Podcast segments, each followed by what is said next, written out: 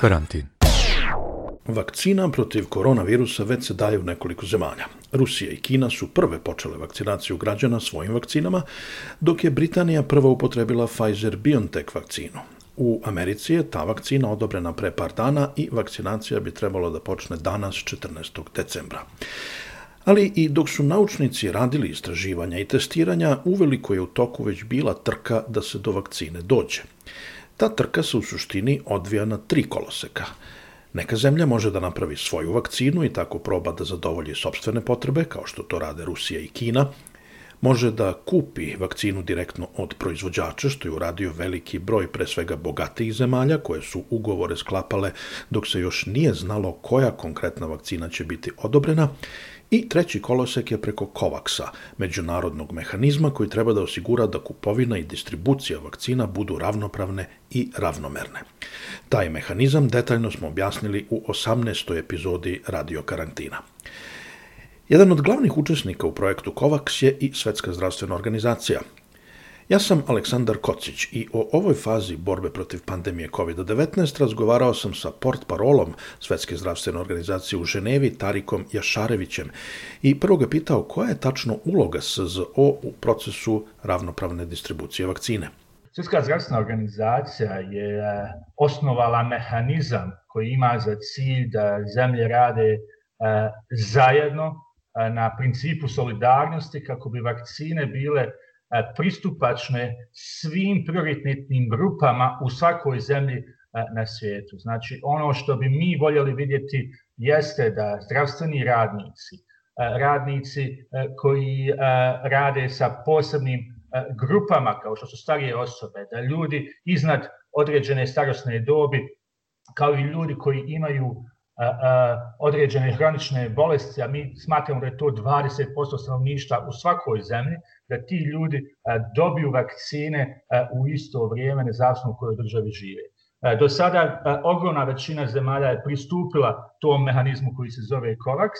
Mi se nadamo da evo kako sada dobijamo rezultate kliničkih ispitivanja i kako zemlje budu odobravale upotrebu tih vakcina, mi sa naše strane ćemo također dati što se zove prekvalifikacija vakcinama za koje se utvrde da su e, bezbijedne i učinkovite, da ćemo onda imati određeni broj vakcina, ne jednu nego više, e, koje e, će biti dostupne zemljama i onda možemo svi zajedno pregovarati cijene i kupovati te vakcine i, i, i, i dijeliti između, između svih zemalja. Svetska zdravstvena organizacija nije e, izvršno zdravstveno telo, nego više savetodavno zdravstveno telo, šta onda ona čini da ne dođe do situacije u kojoj najbogatije zemlje prve pokupuju vakcinu za sebe? Pa upravo to. Naravno, zemlje su suverene u tome da, da donose odluke koje misle da su najbolje za njihovo stanovništvo i mi možemo razumjeti E, da vlade zemalja e, vide kao prioritet vakcinaciju cjelokupnog stanovništva. Ono što mi pokušavamo da kažemo je da to ne samo da nije e, fair i korektno, nego isto vrijeme ovaj, nije, e, e, e, nije rentabilno za bilo koju zemlju, jer se ne može zaustaviti pandemija a, zemlja po zemlja, već se pandemija mora globalno zaustaviti. A da bi se globalna ekonomija pokrenula, upravo treba to uraditi, da se, da se pandemija zaustavi na globalnom nivou. Znači, a, a, troškovi i šteta ekonomska koja nastaje zbog svih restriktivnih mjera a, koje se uvode u raznim zemljama je ogromna I ta šteta i ti troškovi će nestati jedino kada se na globalnom planu e, počne suzbijati pandemija, a ne kada se to, ako se to bude radilo zemlja po zemlji. Pa recite mi na globalnom planu, kakva je trenutno epidemiološka situacija, gde su žarišta? E, nažalost, mi vidimo da iz, iz sedmice u sedmicu broj e, novo zaraženih raste. Naravno, to je djelomično zbog toga što je i testiranje povećano u mnogim zemljama, ali vidimo da jednostavno e, e, e, zdravstveni sistemi, bolnice su prenatrpane i to onda tjera vlade da uvode restriktivne mjere čisto da bi rasteretili zdravstvene kapacitete. Mi vidimo da se u Evropi, da je naglo porastao broj novo zaraženih u zadnjih dva mjeseca. Također i u Sjevernoj Americi imamo situaciju koja je zabrinjavajuća i u Južnoj Americi jedino u Aziji e, e, možemo govoriti o nekom koliko toliko uspjehu u suzbijanju pandemije, mada i tamo e, s vremena na vrijeme se, se dese, se novi, novi slučajevi, nova žarišta. Ono što je stvarno bitno je naglasiti jeste da, da, da, da, da iz naše perspektive nije izbor između ekonomije i javnog zdravstva, da se može naći neki put između toga da ova, ove najteže restriktivne mjere moraju biti stvarno krajnji e, neki e, neka krajnja opcija za zemlje kako bi e, smanjile širenje virusa. Ono što je potrebno je rad na tradicionalnim mjerama javnog zdravstva, znači pokušati saznati gdje se nalazi virus, Bitno je da ljudi koji su zaraženi ne izlaze iz kuće, da oni koji su identifikovani kao njihovi kontakti ne izlaze iz kuće tokom jesence kako bi se pokušalo e, prekinuti ti lanci e, zaraze. Nažalost, kao što sam rekao, e, trenutno u mnogim zemljama ponovo su namjeriti restriktivne mjere sa ciljem rasterećivanja bolničkih kapaciteta, kako ne bi došli u tu situaciju u kojoj se neke zemlje nalazile da se moralo da se moralo odlučivati koji će pacijent biti primljen, a koji, koji nažalost neće. Radio karantin.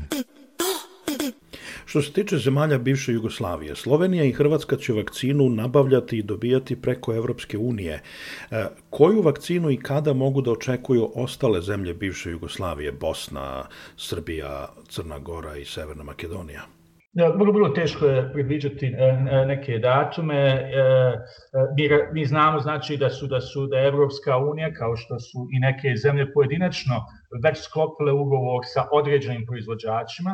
Naša je preporuka bila da se sačeka da vidimo tačno koje vakcine su učinkovite i u kojoj mjeri. Jer, pazite, trenutno ima oko 200 vakcina koje su koje su u razvoju. E, negdje 45 od njih su već u kliničkom ispitivanju E, ljudima, a 11 ili 12 trenutno vakcina su u zadnjoj i trećoj fazi tih kliničkih radnja. Te vakcine se prave na različite načine i koriste različite metode. Te vakcine će biti različite jedna od druge.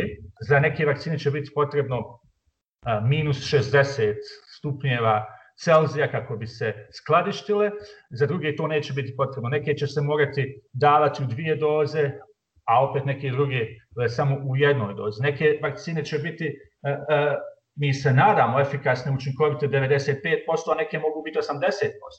Razlika će biti u cijeni. Znači, e, e, ono što, što, kao što sam već rekao, e, što mi preporučujemo jeste da, da, da sačekamo, da vidimo koje su to sve vakcine dostupne, koje su, koje su prednosti jedne ili druge vakcine, pošto vakcine mogu imati i različitu efikasnost u zavisnosti od starostne grupe ili od nekih drugih kriterija i onda da napravimo preporuke stvarno kako bi se ta vakcinacija uradila. Naravno, vidjeli smo da, da neke zemlje su već donijele odobrenje na, na njihovom nacionalnom nivou za upotrebu jedne, druge ili treće vakcine i da su počeli sa vakcinacijom. Mi se nadamo da ukoliko to rade, da će poštovati te kriterije koje smo mi predložili prije od odobravanja bilo koje vakcine da se stvarno poštuju kriteriji o bezbjednosti e, i, i, i učinkovitosti. Kažete mi, Tarik, Svetska zdravstvena organizacija je igrala veliku ulogu u suzbijanju lažnih vesti o epidemiji. Da li radite nešto slično sada u vezi sa predrasudama i strahovima oko vakcine?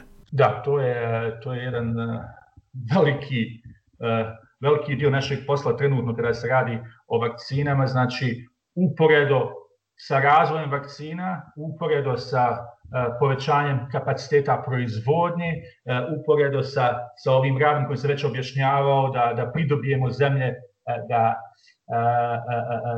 da, da dobijemo jednakopravan pristup vakcinama. U isto vrijeme mi moramo raditi na tome da, da, da, da stanovnik prihvati vakcinu, da prihvati vakcinaciju. Mi smo, nažalost, svjedoci da je se zadnjih godina taj pokret protiv vakcina povećao, protiv običnih vakcina koje, koje, koje svi dobivamo i mi smo, mi smo se stvarno pokušali boriti protiv toga na više načina. Prvo da razumijemo zbog čega postoji stvarno taj neki strah, da li je taj strah nastao namjerno, da li ga je neko proširio ili jednostavno ljudi imaju neke sumnje koje mi možemo poslije da otklonimo pravilnim informacijama, ali mislim da je bitno da svi imamo neku ulogu tu da pokušamo e, da objasnimo stvarno da, da, da vakcine spašavaju svake godine e, milione i milione e, ljudi, da, da vakcine prolaze kroz rigorozni proces provjere njihove bezbjednosti.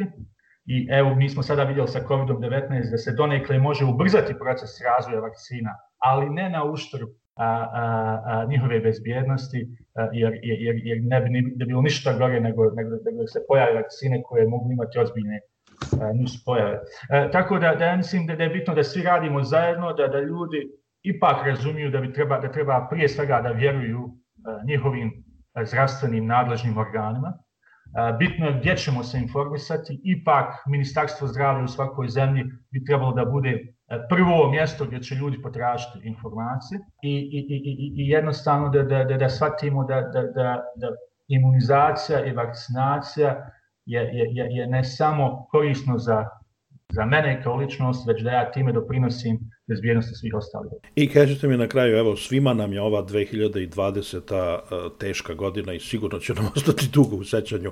Kako je za vas e, u profesionalnom smislu izgledala ova godina? Jer možete da mi opišete jedan tipičan radni dan od kad je krenula pandemija? Pa, pa da, ovaj, Svjetska zdravstvena organizacija se našla nekako u žiži e, dešavanja od, od početka ove pandemije. E, ja ću vam reći da sam ja dobio informaciju 1. januara ujutro uh, od naših kolega iz uh, naše kancelarije u Pekingu uh, o broju slučajeva ljudi koji su imali respiratorne probleme i uh, upalu pluća, ne, koja je tada još bila ne, ne, neobjašnjena. I, znači, bukvalno od 1. januara uh, sam radio na, na ovoj temi i jednostavno mi smatramo da prvo mi smo, mi smo javno tijelo, mi, smo, mi imamo mandat koji nam je povjeren od svih zemalja svijeta da se borimo za, za, za dobrobit globalnog zdravlja i da, i da pokušamo dati najbolje moguće preporuke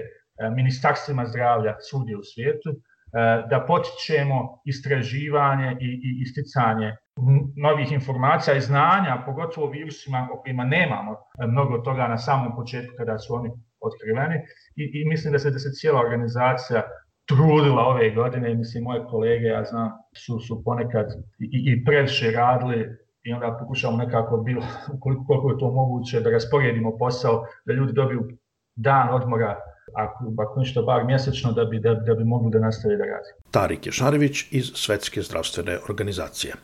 I kad ste već ovde, mi bi da vas zamolimo za pomoć. Pomozite nas novčano.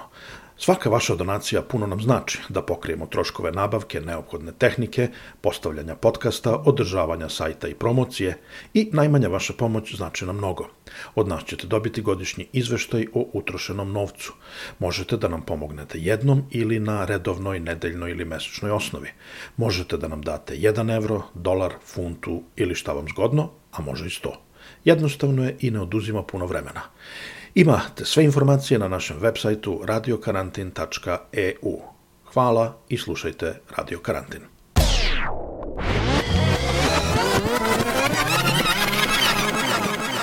Radio Karantin.